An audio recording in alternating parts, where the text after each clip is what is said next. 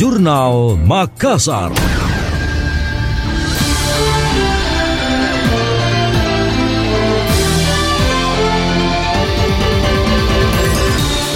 Penyebaran dokter spesialis di Indonesia termasuk di Sulawesi Selatan belum merata.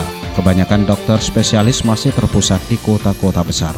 Pemerintah Provinsi Sulawesi Selatan mendorong keberadaan dokter spesialis bisa menyebar di berbagai daerah agar pelayanan kesehatan bisa dirasakan oleh seluruh masyarakat. Caranya dengan memperbanyak pendidikan dokter spesialis. Kepala Dinas Kesehatan Sulawesi Selatan Rosmini Pandin mengatakan pihaknya menggandeng Fakultas Kedokteran Universitas Hasanuddin untuk merencanakan pendidikan spesialis yang banyak, termasuk dokter spesialis untuk penyakit tertentu seperti jantung, kanker, dan ginjal.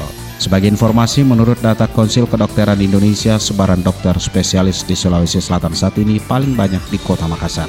Untuk mengatasi tidak meratanya sebaran dokter spesialis, Dinas Kesehatan Sulawesi Selatan pun mendorong peningkatan jumlah dokter spesialis hingga ke daerah-daerah. Apalagi saat ini Kementerian Kesehatan berencana menambah kuota beasiswa kedokteran dan fellowship sebanyak 82 program studi tahun ini. Menurut Rosmini hal ini menjadi kabar baik karena bisa menjadi jalan untuk memeratakan layanan spesialistik di semua fasilitas pelayanan kesehatan milik pemerintah termasuk di Sulawesi Selatan.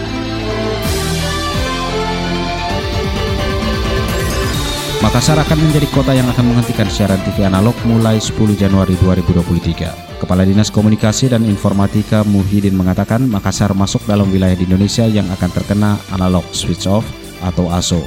Siaran televisi analog akan hilang dan beralih ke siaran digital. Muhyiddin menjelaskan 3.000 set-top box atau STB yang akan dibagikan secara gratis. Hal itu sebagai salah satu bentuk dukungan migrasi TV analog ke digital. Dia menambahkan data penerima sebelumnya diusulkan ke Kementerian Komunikasi dan Informatika. Setelah disetujui akan dibagikan kepada penerima. Salah satu syarat keluarga yang kurang mampu. Diskominfo Kota Makassar mengaku gencar melakukan sosialisasi terkait migrasi ke TV digital. Muhyiddin menambahkan proses peralihan sejauh ini berjalan lancar. Manfaat yang dirasakan masyarakat, siaran lebih tajam dan jernih.